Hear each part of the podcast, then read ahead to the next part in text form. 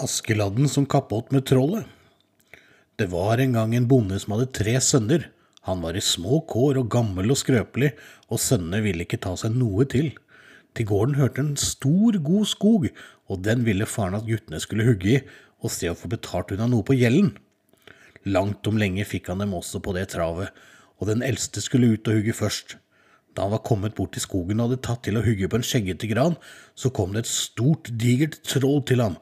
Dersom du hugger i min skog, skal jeg drepe deg, sa trollet. Da gutten hørte det, kastet han øksen og la hjem igjen det beste han kunne. Han kom rent andpusten hjem og fortalte det som hadde hendt ham, men faren sa han var et harehjerte. Trollene hadde aldri skremt ham fra å hugge da han var ung, mente han. Dagen etter skulle den andre sønnen av sted, og da gikk det nettopp likeens. Da han vel hadde hugget noen hugg i granen, kom trollet til ham med og sa, Dersom du hugger i min skog, skal jeg drepe deg. Gutten torde snaut å se på ham, han kastet øksen og to til sprang, slik som broren, og vel så fort. Da han kom hjem igjen, ble faren sint og sa at aldri hadde trollene skremt ham da han var ung. Tredje dagen ville Askeladden i vei. Ja, du, sa de to eldste, du skal vel klare du som aldri har vært utafor stuedøra? Han svarte ikke større på det, Askeladden, men ba bare om å få dugelig med nister med seg. Moren hadde ingen sul, og så hengte hun på gryta for å breste litt til ham. Det fikk han i skreppen og la av gårde. Da han hadde hugget en liten stund, kom trollet til ham og sa, Dersom du hugger i min skog, skal jeg drepe deg. Men gutten var ikke sen, han sprang bort i skogen etter osten og krystet den som mysa skvatt. Tier du ikke still, skrek han til trollet, skal jeg klemme deg som jeg klemmer vannet av denne hvite steinen. Nei, kjære, spar meg, sa trollet, jeg skal hjelpe deg å hugge. Ja, på det vilkår sparte gutten ham, og trollet var så dyktig til å hugge, så de fikk felt og avhugget mange tylfter om dagen.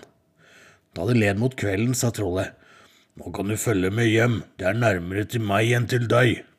Ja, gutten ble med, og da de kom hjem til trollet, skulle han gjøre opp varme på peisen mens gutten skulle gå etter vann til grautgryta, men det sto to jernbøtter der, så store og tunge at han ikke orka å le av på dem engang. Da sa gutten, nei, det er vel ikke verdt å ta med disse fingerbøla her, jeg går etter hele brønnen, jeg. Nei, kjære vene, sa trollet, jeg kan ikke miste brønnen min, gjør du opp varme, så skal jeg gå etter vannet. Da han kom tilbake med vannet, kokte de opp en dugelig stor grautgryte. Det er det samme, sa gutten. Vil du som jeg, så skal vi kappete.